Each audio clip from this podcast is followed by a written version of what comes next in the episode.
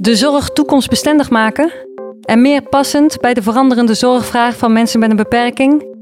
Dat is het doel van begeleiding à la carte. Bij dit traject van het programma Volwaardig Leven van het ministerie van Volksgezondheid, Welzijn en Sport werkten zo'n 35 organisaties begeleid door Vilans twee jaar lang aan de vernieuwing van persoonsgerichte zorg. Kenniscentrum Klik voor de verstandelijk gehandicaptenzorg volgde alle ontwikkelingen op de voet en deelt in deze podcastserie samen met Vilans de inspirerende lessen en oplossingen voor de sector. Deze aflevering wordt gepresenteerd door adviseur van Vilans Marjolein de Meijer en ervaringsdeskundige Mireille de Beer. Uh, welkom allemaal bij deze nieuwe aflevering. Ik ben Marjolein de Meijer en ik werk als coach en adviseur bij Vilans. En ik mag vandaag deze aflevering presenteren samen met Mireille de Beer. Mireille, wil jij ook even voorstellen? Ja, ik ben Mireille de Beer en ik werk als ervaringsdeskundige bij Filans. En ik werk bij de LFB-communicatie. En ik werk als co-onderzoeker bij Universiteit Tilburg. Dankjewel. En vandaag gaan we het hebben over ervaringsleren. Ervaringsleren is je verplaatsen in de ander. Hoe is het om te leven met een uh, beperking? Hoe is het dat iemand anders bijvoorbeeld de regie over je heeft en uh, dingen voor je bepaalt? En het is vooral een andere manier van leren. Niet alleen theorie, maar eigenlijk vooral voelen. Voelen met je lijf. En het kan ook heel confronterend zijn. Maar het is vooral belangrijk om dat soort dingen mee te nemen, ook in je werk. En waar je misschien wel helemaal niet bewust van bent hè, wat, je, wat je doet. Dat eigenlijk in het, helemaal in een, in een korte notendop. Um, Mireille, kan, je, kan jij vertellen, wat is voor jou ervaringsleren? Ervaringsleren betekent voor mij dat ik gewoon mag ervaren um, waar je zelf goed in bent. Ervaring is ook dat je niet steeds uh, terugkijkt op wat je niet kan, maar vooral op de dingen die je wel kan. Van fouten kan je leren en zo kan je het weer oppakken. Ervaringsleren doe ik elke dag. Dat doen we eigenlijk allemaal. Ja, en vooral ook dingen uitproberen, hè, hoor ik jou zeggen. Ja, en steeds maar die grenzen, zeg maar, proberen toch een beetje grenzen op te zoeken. Uitdagingen aan te gaan. Ja, je hebt veel uh, verschillende vormen van uh, ervaringsleren. Veel organisaties zijn er al mee bezig. Zo heb je bijvoorbeeld het autisme belevingscircuit of de LVB Experience van Humanitas. Uh, ook Bartimeus heeft bijvoorbeeld enkele voorbeelden. Uh, dineren in het donker of een donkere beleving. Dit zijn er zomaar een paar. Maar er staan nog veel meer voorbeelden op het, uh, op het kennisplein. Neem vooral eens een kijkje. Hé, hey, maar Mireille, wij zitten hier niet alleen vandaag. Hè? Wij hebben nee. nog een aantal mensen aan tafel die we graag aan jullie willen voorstellen. Het man, wie ben jij? Ik ben uh, Iet Neur en ik werk bij de LFB. LFB is uh, Landelijke Vereniging voor en door mensen met beperking. En dan geef ik uh, trainingen en workshops en zo. Dus door Nederland en bij zorgaanbieders. Dankjewel. Alsjeblieft. Itman, waarom zouden mensen in elkaar moeten verplaatsen? Dan weten ze ook hoe de andere voelt. En dan weten ze ook eigenlijk van oké, okay, uh, jij hebt een beperking. Maar dan uh, weten ze ook hoe wij ons voelen, ons dagelijks leven. Dus wat wij meemaken en alles. En dat zou wel heel mooi zijn om met elkaar eigenlijk dat te doen. Ook bij ons aan tafel zit Milan. Welkom. Wil jij je ook even voorstellen? Ik ben uh, Milan Dorreboom. Ben uh, 33 jaar en werk ook bij de LFB.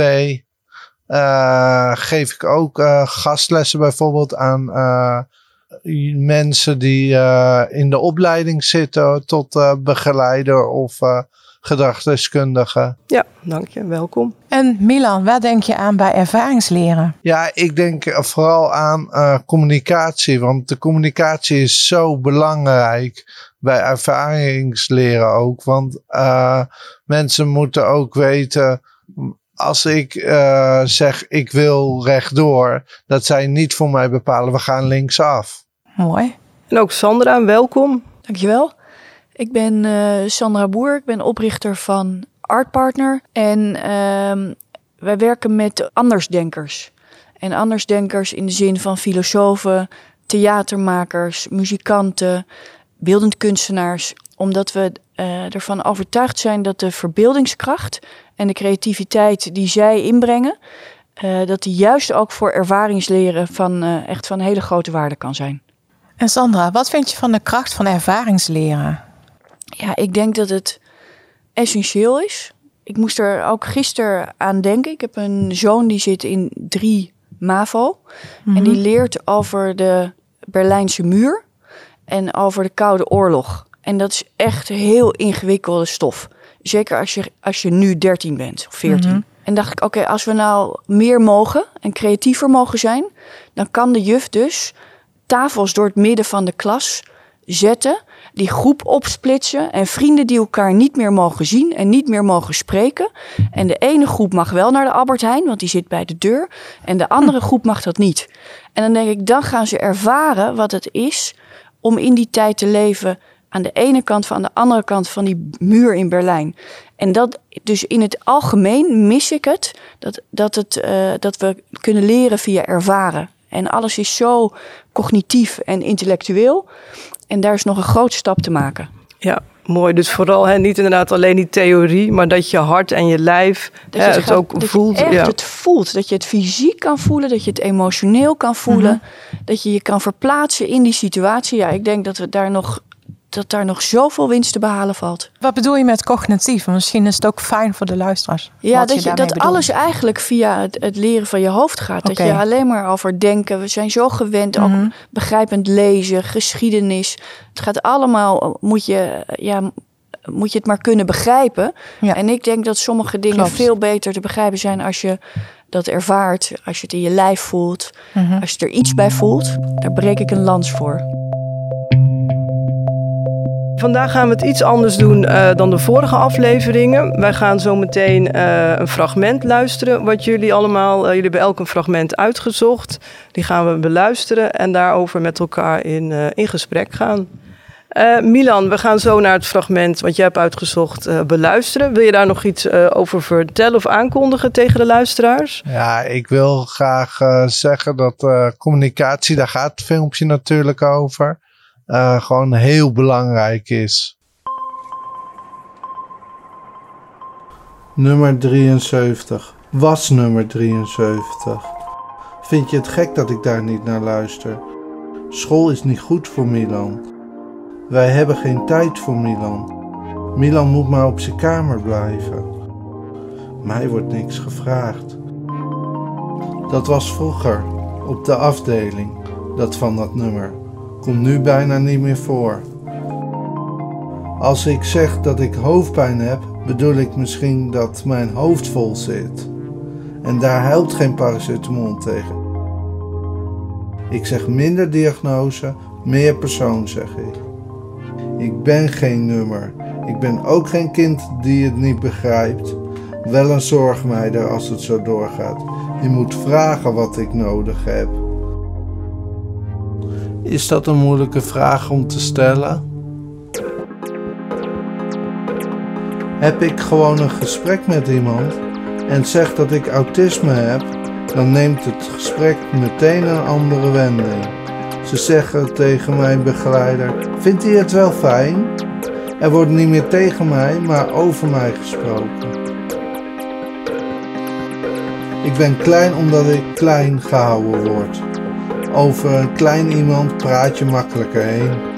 Ik snap het wel, ik zou mezelf ook niet zien, misschien. Jou zie ik wel hoor, in één seconde kan ik je scannen. Dan weet ik gelijk wat voor vlees ik in de kuip heb. Wees gewoon jezelf man. Een beetje interesse, een beetje boel interesse, een echt luisterend oor, hart tot hart luisteren. Dan kan ik vliegen, de kleine vliegt. Ik ontmoet steeds meer luisterende oren, steeds meer aansluiting bij wat ik nodig heb en steeds betere vragen. Ik hou van onveilige situaties, weet je, nieuwe dingen ervaren. Is er iemand die dat hoort? Durft iemand dat te horen?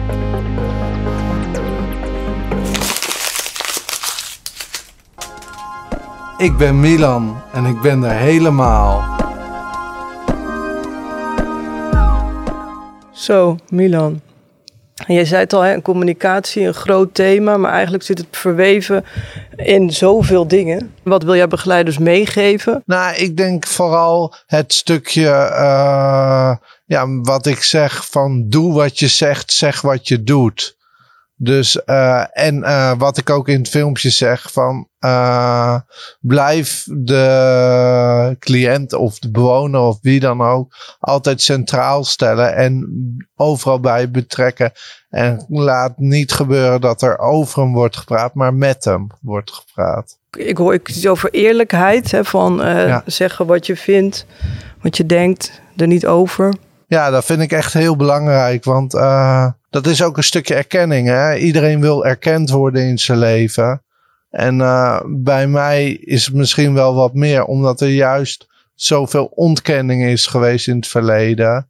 En uh, vind ik het erg fijn om erkend te worden in mijn doen en laten. Ja, dat je mag zijn wie je bent en, en hoe je de dingen zeker, wil doen. Zeker. Ja. En hoe ga jij het gesprek aan met, met begeleiders? Ja, ik probeer daar altijd om uh, ze te behandelen hoe ik ook wil behandeld worden. Dus op een nette, respectvolle manier. Maar uh, ja, dat lukt niet altijd.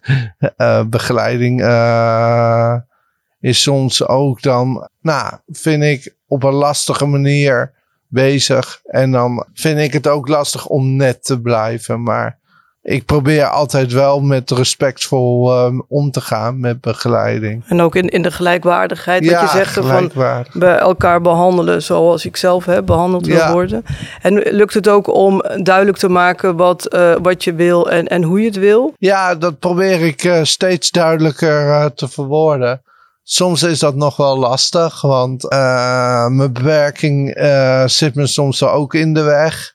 En dan durf ik het niet altijd te zeggen. Maar uh, ik doe daar wel mijn best voor. En ik ga er ook vanuit dat ik daarin gesteund word door de begeleiding. Ik hoor jou zeggen van hè, mijn beperking zit me soms in de weg. Uh, kan je daar een voorbeeld van geven? Nou, gisteren was dat. Uh, ik had met begeleiding een akkefietje. En uh, ik vond het lastig om het wel duidelijk aan te geven wat mij nou dwars zat. Omdat ik het idee had dat ze me niet geloofden. Mm -hmm. Omdat ze het voor elkaar opnamen. Begeleiding onderling. En dan denk ik van, ja, dat vind ik lastig. En Milan, zit het je vaak dwars, je beperking? Heb je dat vaak last van? Nou, dat, dat grappig dat je dat vraagt. Want uh, het is steeds vaker minder. Want ja, je gaat met je beperking leren leven mm -hmm. en zo. Dus ik, ik word er wel in getraind ook om steeds meer daar uh, mee bezig te zijn. Om dat minder aanwezig te laten zijn. Ja. Maar het is soms nog wel lastig in moeilijke situaties. En Itman, hoe is dat voor jou? Hoe zorg jij dat de anderen jou goed begrijpen? Ze zien het aan mij. Dat is het eigenlijk. Ik, kan, ik, kan, ik heb geen pokerface of zo of wat dan ook. Mm. En uh, ja, dus als er iets is, dan zeg ik het gewoon. En uh, ja, dus dan is het ook wel, um, ja, ze, ik, als, er, als er mij iets dwars zit, dan bel ik gewoon en dan uh, zeg ik het. Ik had uh, laatst een uh, ja, binnenkort gaat een begeleider van ons weg. Mm -hmm. en, uh, maar een andere begeleider, die is een beetje zakelijk. En, uh, maar dat vind ik dus moeilijk, want dan denk ik, ja, je, wij moeten wel alles van jou, wij weten, ze weten alles van ons, maar we weten eigenlijk niks van hun. Mm -hmm. En ik ben iemand van, ja, um, als je een klein stukje van jouw privé, als vertelt wat je hobby is of uh, wat je van de weekend gedaan hebt, dan ben ik al heel blij. Want dan weet ik, oké, okay, de gelijkwaardigheid is dan, uh, dat is heel mooi om dan bij elkaar te zetten. En, en daardoor heb ik dat gesprek uh, afgelopen week gedaan met haar en met diegene die wegging. En toen zei ik van ja, ik vind je wel heel erg zakelijk, maar ik wil je daar niet mee kwetsen. Of wat dan ook. Maar het zou wel heel fijn zijn als je dat wat, gewoon ja, wat persoonlijke dingetjes vertelt. Ik weet dat je kinderen hebt en dat is het. En meer niet. Dus nu gaan wij binnenkort samen eten. En dan komen ze wat dingen van me weten en ik van haar. Ja, het is het samenwerken. Dus het is hè, gelijkwaardig. Niet dat ja. de een hier staat en de ander hier. Nee. Ja, je wilt samen... Ja, ik, heb, ik word al 14 jaar uh, begeleid door een zorgaanbieder. En, um, en ik uh, vind het heel fijn. Maar ik heb wel in die 14 jaar wel gemerkt de verschil uh, in het team waar ik nu zit als wat begeleid. Mm -hmm. En nu heb ik een hele fijne team. En dat zeg ik ook tegen hun altijd. Van nou, ik ben heel blij met jullie als team. Hoe jullie dingen bedenken. Uh, hoe jullie cliënten willen begeleiden en alles. En toen ik net begon, stond ik heel laag en hun heel hoog. En nu zijn we eigenlijk gewoon samen eigenlijk. Jij benoemt het. Uh, en tegelijkertijd zeg je van mensen kunnen het ook aan mij zien. En dat is eigenlijk hè, de non-verbale communicatie, hoe je, hè, hoe je het ook uitstraalt. Ja. En dat is eigenlijk wel heel veel communicatie is zoveel, is alles eigenlijk. Want uh, Sandra, hoe is dat uh, voor jou? Dus voor mij is het zo essentieel dat je wat van jezelf laat zien. Maar ik denk dat in, in heel veel omgevingen, um, of dat nou zakelijk is of blijkbaar de zorg, hebben we geleerd om dat met afstand te doen. Nou, laten we dat uh, afschaffen. Jij zegt afschaffen, ja. ja. ja. zou mooi zijn. Ja, heel mooi. Je bent toch met elkaar aan het werk? En iedereen moet daar hè, iets in geven. Ja, of je nou de directeur bent van een groot bedrijf of dat je ergens in de zorg werkt. Of ja, voor mij maakt dat geen verschil. Ik, ik denk echt dat, we, dat het veel beter werkt als we uh, elkaar wat beter leren kennen en wat meer van onszelf laten zien. En dat ook inbrengen in ons contact. Daar wordt het contact waardevoller van. En dan kun je ook meer van elkaar hebben. Mireille, herken jij dat? Want jij hebt hè, verschillende rollen en functies. En je Mhm. hebt ook met heel veel verschillende mensen te maken in je werk. Hoe is dat voor jou? hangt een beetje af met wie je eigenlijk samenwerkt. En soms is dat best ook nog wel lastig om echt, ja, de gelijkwaardigheid is er wel, maar toch voel je ook soms ook wel, met sommige mensen heb je ook wel nog die, toch ook wel afstand. Eh, want ja, je hebt natuurlijk ook, ook veel verschillende collega's bijvoorbeeld. Mhm. Ehm, ja, dat is soms toch ook wel lastig. En, en kan je vertellen wa- wat er lastig is? Ja, vooral als je eh, bijvoorbeeld als je je eigen voorstelt. Ik, ik, ja, ik heb dan een neiging om ook heel veel van mezelf te vertellen. Mhm. Maar ik, ik, als ik dan die andere eh, bijvoorbeeld eh, met iemand ga kennismaken, die, die vertelt misschien maar een heel klein beetje en die wil heel veel van mij weten. Dan merk ik wel dat ik denk van, oh, dan stel ik die vraag ook van, oh, ik vind het ook leuk als jij een keer iets over jezelf gaat vertellen. Maar ik heb ook de neiging om heel veel van mezelf, terwijl ik helemaal niet hoef helemaal niet alles te vertellen aan mensen. Nee. Ook niet altijd te zeggen dat je een beperking hebt of, eh, want je bent eigenlijk gewoon net als ieder ander, een mens gewoon. Ja, en dat is eigenlijk weer hè, van dat mens tot Ja. mens. Maar jij breekt eigenlijk ook altijd het ijs Mhm. door dan de vraag aan de ander eh, te stellen.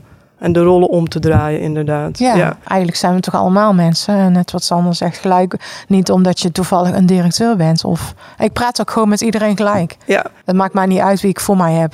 Nee, en ook wat jij zegt van hè, of je meteen vertelt of je een beperking hebt of niet. De ander vertelt ook niet eh, welke Nee. medicijnen die slikt, bijvoorbeeld. Ehm, en Milan, ik wil nog heel even terug naar jou gaan. Want hoe is het om elke keer ook je, je verhaal te vertellen aan begeleiders? Ja, op een gegeven moment word je daar wel een beetje moe van. Want eh, het is natuurlijk wel zo, begeleiders komen en gaan. Dat is in je leven al altijd zo eh, met mensen met een beperking meestal. En eh, voor mij is het denk ik wel zo dat ik wel duizend begeleiders in mijn leven al heb gehad. Zo. Die zijn gekomen en ook weer zijn gegaan. En zo oud ben je nog niet, toch? Nee, het is gewoon soms heel lastig om elke keer maar te vertellen van wat je al, die waslijst van eh, wat ik allemaal heb en wat, er, wat het beste voor me is en zo. Ja. En soms raak je ook echt het vertrouwen in mensen kwijt, omdat je denkt, ja, daar heb je er weer zo een. Die komt hier, die zegt hier eh, tot op de tachtigste te werken, bewijs van. Maar die is over twee jaar toch weer weg. Milan, hoe zou je het anders willen zien? Hoe zou je het willen veranderen? Stel voor dat je het mocht veranderen. Ja, ik denk dat een levensloopscoach eh, gewoon iets heel moois is. Dat er gewoon een bepaalde groep mensen zich verbinden aan jou. En dat hoeft helemaal niet te zijn dat, dat ze begeleiders zijn. Maar Mhm. gewoon wel eh, mensen zijn die empathie hebben met de doelgroep. En met, met eh, eh, mensen met een beperking dus. En die eh, gewoon graag voor jou dit willen doen. En ook mensen die, die jij zelf misschien uitkiest. Ja, Ja. Ja. En eigenlijk hoor ik je ook zeggen, en gewoon zo normaal mogelijk. Ja, Klopt dat? zo normaal mogelijk het liefst. Ja, Mooi. zeker, zeker, ja. Dankjewel, Milan. Ehm, dan gaan we door naar het volgende fragment. Eh, Sandra, je hebt een stukje uitgezocht van de theatrale lezing van eh, Vera en, eh, en Anne. Die we tijdens het symposium Ervaringsleren in afgelopen maart hebben gehoord. Eh, kan je daar iets over vertellen? Anne Gering en Vera Ketelaars zijn eh, twee theatermakers die veel met elkaar werken en met ons. Eh, en zij hebben ehm, die theatrale lezingen gemaakt op basis van hun gesprekken met zorgverleners en met ervaringsdeskundigen. Uh, en, en daarin krijgen wij eigenlijk de kans om een klein kijkje te nemen in waar een, in dit geval een zorgverlener tegenaan loopt. Dank, we gaan luisteren.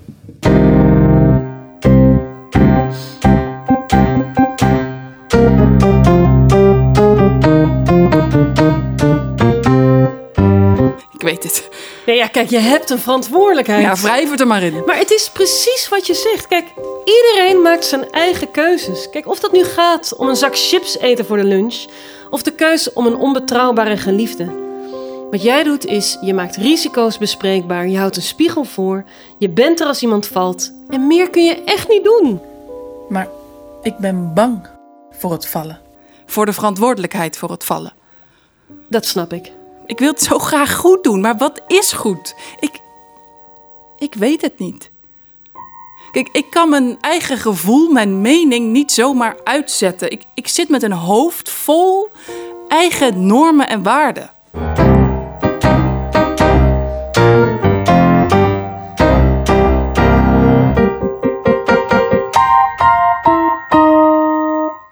Ik ben bang voor het vallen. Vertel Sandra, waarom heb je dit uh, fragment uitgezocht? Ik heb dit fragment uitgekozen omdat het uh, die worsteling zo mooi beschrijft. Hè? Dus aan de ene kant het goed doen willen doen voor degene met wie je te maken hebt.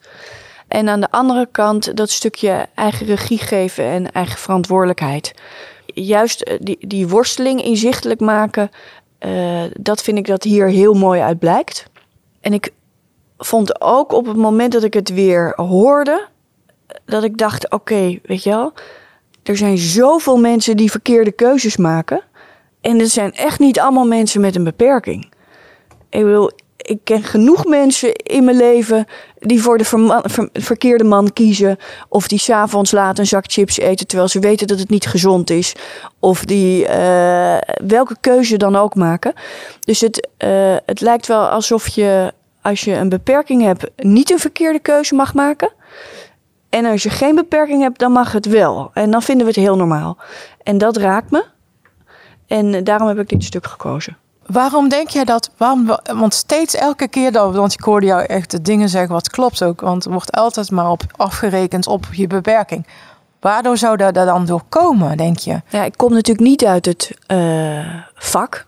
Nee. Ik bedoel, we werken met theatermakers en met kunstenaars.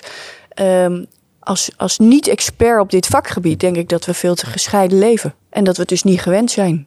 En dat daarom die beperking ineens Mhm. een, uh, op een Centraal staat, bedoel centraal je? staat.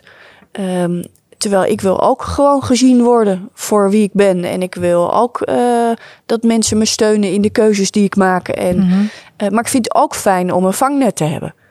Dat als ik iets een verkeerde keuze maak, dat er iemand is die, die me oplapt. Um, dus dat vangnet, uh, dat vind ik daarom ook zo mooi. Dat, uh, Mhm. Ik ben bang voor het vallen, de verantwoordelijkheid voor het vallen. Ik denk, ja, die draag je met elkaar, maar je moet wel kunnen vallen. Hoe ver mag je vallen? En mag Ja. je een beetje vallen of gaat, het, gaat het heel ver? Denk je en dat, lijkt me een grote verantwoordelijkheid. Hè? Dus dat vind ik mooi in dit stuk. Dat Anne en Vera eigenlijk ons even laten voelen. Die andere kant. Die kant van de, de zorgverlener. Diegene die het heel goed wil doen. En die die verantwoordelijkheid ook voelt. En daardoor voel je hem zelf bijna. En dan is ook weer over dat ervaringsleren. Dat je even in de schoenen van die ander kan stappen. En dan uh, niet alleen... ehm, uh, cognitief, waar we het eerder over hadden, of intellectueel, maar ook vanuit je emoties en uh, ja, vanuit je buik, uh, vanuit je lijf. Hoe zouden jullie dat vinden, Idman en Milan, uh, hè, om, om als begeleider te werken als we de rollen zouden omdraaien? Ik heb het al een keer gedaan. Vertel. Ik ben weggegaan bij LFB. En, um, en toen ben ik bij mijn eigen organisatie uh, ben ik uh, gaan werken als begeleider, assistentbegeleider. Maar dan met uh, zwaar gehandicapte kinderen. Ja. En ik vond het heel leuk om te doen, maar, ik mocht nog niet heel veel. Want ja, dus het werd een beetje schoonmaken en twee kinderen even eten geven. Ik zou mm -hmm. nog een opleiding gaan volgen voor niveau 2. En ik vind het nog steeds heel leuk om te doen.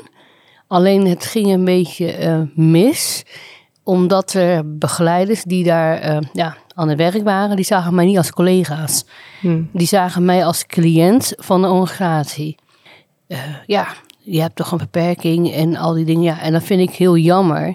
Want ehm, los van mijn beperkingen, ik vind het heel leuk om eh, op die manier ook te doen.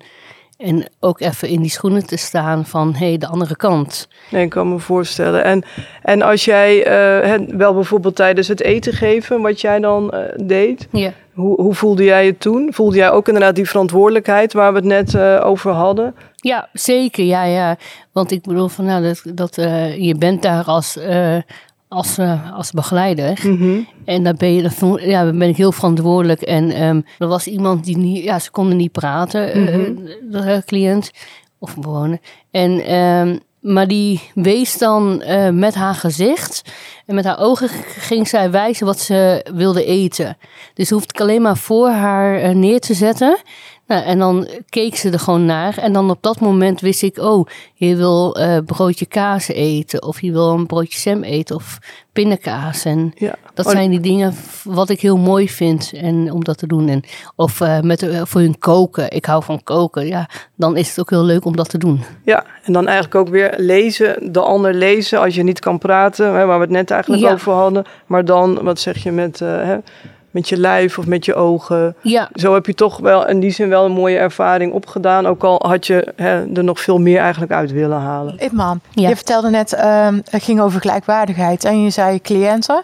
ehm, dat ze je als cliënt zagen. Heb, ben je dat gesprek ook aangegaan? nee. Ik had er geen behoefte aan om, eh, om dat gesprek aan te gaan. Het liep niet lekker. Nee. En ehm, toen ik bij de LFB eh, toen nog werkte, Mhm. en nu nog steeds, maar ehm, de gelijkwaardigheid staat bovenaan. En ik miste heel erg eh, de gelijkwaardigheid Mhm. in die begeleiders daar als collega. En Ja. doordat ik ervaringskundig binnen aanbod ben, eh, deden wij iets. En toen kwam ik mijn collega's tegen en toen dacht ik, wat zou ik doen? Zou ik een werk gaan doen wat ik eigenlijk helemaal niet fijn vind en wat ik niet prettig bij voel? Of zou ik een werk gaan doen waar ik wel eh, eh, ja, de gelijkwaardigheid het zit en waar ik wel te toe ben? En dat ik als, een, als collega wordt gezien, maar ook de talenten wat ik heb om te laten zien. Mooi, zo luister jij goed naar jouw Ja. gevoel, je onderbuik en de Ja. keuzes die, je die je maakt. En ik wil nog heel even terug naar dat vallen, want ik vind dat ook een heel mooi eh, fragment. Eh, Milan, als jij dat zo hoort, eh, hoe zou jij het vinden? Of, of kan je begrijpen over de verantwoordelijkheid die, ehm, die een begeleider voelt en dat hij daarom soms bepaalde keuzes maakt voor, nou ja, voor jou voor een ander? Ja, zeker. Ik heb dat in het verleden ook wel meegemaakt. Want ik heb in het verleden op een logeerhuis gewerkt. als be- assistent-begeleider. En eh, daar gebeurden ook wel dingen dat wij keuzes voor anderen moesten maken om de veiligheid te waarborgen. Maar dat vond ik wel lastig, want ik dacht, ja, ik zit hier met een andere denkwijze dan mijn collega. Want ik voel wat eh, de cliënt of de bewoner of de logier nu voelt. En eh, dat vond ik wel lastig om te doen. Maar het was wel nodig. Ja, mooi. Want dat is eigenlijk ook het ervaringsleren. Het verplaatsen in de ander. Eigenlijk altijd in alle rollen, of welke rol je dan ook hebt. Om zo ook met elkaar in gesprek te blijven. En of je nou hè, begeleider bent, of ergens woont, of wat dan ook. Ja. Ik denk dat we doorgaan naar het eh, volgende en laatste fragment van, eh, van Itman. Eh, wil jij zelf jouw fragment aankondigen? Ja, het is eh, mijn eigen regie, heet dat. We gaan luisteren. Je mag groot denken, je mag dromen, je bent niet beperkt in je ideeën. Ik ontmoette hem op een verjaardag. Hij wilde eerst niet gaan, maar hij was er. We hadden gelijk een klik. De tweede dag zag ik hem weer. Voordat hij wegfietste, gaf hij me zomaar een kus. Zonder te zeggen was het aan. We wilden samenwonen. Ze vonden het geen goed idee. Ze deden echt moeilijk. Is het wel verstandig om samen te wonen? Is het wel gezond? Hij moet zijn rust hebben. Straks krijgen jullie nog ruzie. Dan moet een van jullie weer weg. Het was knokken om eigen regie te krijgen, totdat er begeleider was die zei: Gewoon doen, dan kijken we daarna wel verder. Die heb je nodig, hè? Die mensen die je vertrouwen, echt vertrouwen. Die jezelf de ruimte geven om op je mond te vallen. Niet dat ik ben gevallen, integendeel. Ik stelde me het huwelijk voor, als in romantische films. Dat je aankomt lopen in een prachtige jurk, een soort zeemerminjurk. En dat hij er al staat, je man, je aanstaande man. Dat iedereen waar je van houdt erbij is. Het ging in het echt anders. Ik had bewindvoering. Wat jij wil is te doen, zei hij. Je moet keuzes maken. Ik balde eerst wel, maar Stijn zei: Je doet al veel mooie dingen. En toen besloot ik te gaan voor lekker simpel, in de achtertuin van zijn ouders, met een dierbare en pizza's voor iedereen. Ik gebruik meestal toch mijn eigen achternaam, want als ik dat niet doe, krijg ik al die vragen. Huh? Ben jij getrouwd? Maar je hebt toch een beperking? Ja, ik ben getrouwd. Ja, we wonen samen. Ja, ik ben blij met de begeleiding. Maar ik ben nog blij met mijn man. Wat ik wil zeggen is dit. Als je een beperking hebt, moet je goed aangeven wat je nodig hebt. Zodat je de hulp krijgt die je wil en geen ongevraagde hulp. Je moet voor jezelf opkomen. Af en toe vakantie nemen van de begeleiding. En vooral, vooral, vooral, je bent niet beperkt in je dromen.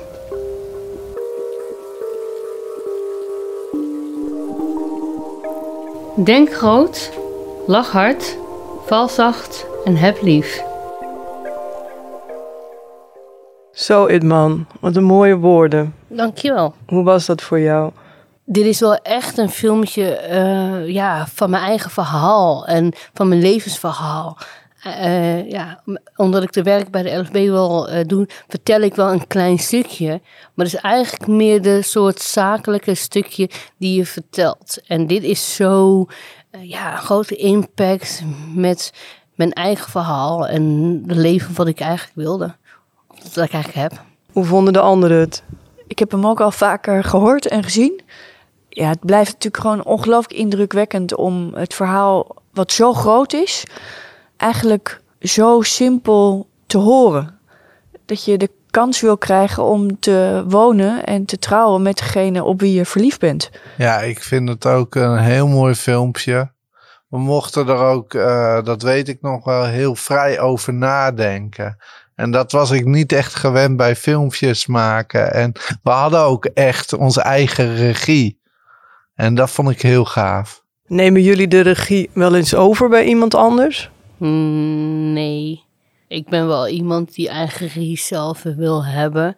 Dus het zal een beetje raar zijn als ik van iemand anders over zou nemen. Maar uh, ja, heel soms nou, nou, niet echt dat ik het doe, maar wel bij mijn man. Heel af en toe dan uh, denk ik van. Uh, uh, hij is geen prater. Mm -hmm. En ehm, dus als hem iets dwars zit, dan gaat hij eigenlijk tegenaan schoppen bepaalde dingen. Dus wat ik heel vaak doe, is dan neem ik eigenlijk zijn regie klein beetje over. Maar meer van dat ik het zeg, van dan bel ik de begeleiding op. Zeg, hé, hey, misschien is even tijd om um, met hem even te bellen of even het af te spreken. Want volgens mij is dit aan de hand. Want ze zijn niet zeven dagen, 24 uur met ons. Nee. En is dat dan een tip of een advies geven? Of vinden jullie dat dat de regie overnemen is? Soms herken ik ook wel dat ik er dingen overneem voor mijn man. Dat ik denk van, oh, dat gaat voor mij iets sneller. Ik, me, ik doe dat wel even voor jou. Maar ondertussen denk ik, ja, maar ik vind het zelf ook niet leuk als, als, ik, als hij het voor mij overneemt. Dus dat trap ik mezelf toch ook wel op. En vraag je dat dan of dat gebeurt dan gewoon vanzelf? Soms gebeurt dat gewoon. Ja. Uh, kom maar, ik doe wel even koken of zo. Of, uh, ja, trouwens, ik vind koken sowieso altijd leuk. Maar, ja, dus ja. kan hem ook inderdaad ja, in kleine dingen zitten waar we allemaal dagelijks mee, uh, mee te maken hebben. Ja, ik vind het wel opvallend wat Mireille zegt. Ik herken het wel heel erg bij mijn vriendin. Mijn vriendin woont pas net samen met mij. Mm -hmm. Dus het is voor haar voor het eerst dat ze uit huis is.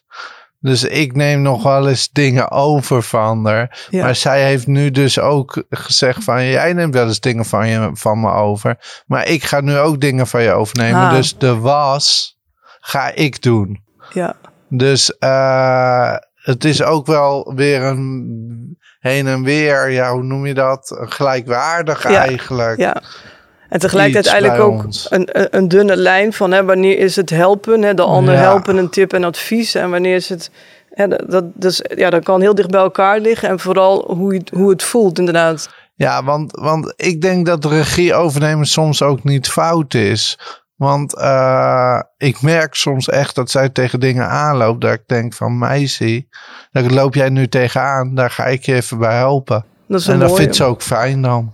En dat is natuurlijk ook weer dat vallen hè, en die verantwoordelijkheid waar we net over hadden. En wat begeleiders soms ook hebben. Mhm. Dus dat is eigenlijk hè, van je leert van elkaar, maar je leert ook allemaal zelf. En daarin heb je je eigen proces hè, eigenlijk zo te volgen. En dat is denk ik ook het ervaringsleren. Het is vooral doen en, uh, en ervaren met elkaar en daarover in gesprek zijn uh, met elkaar.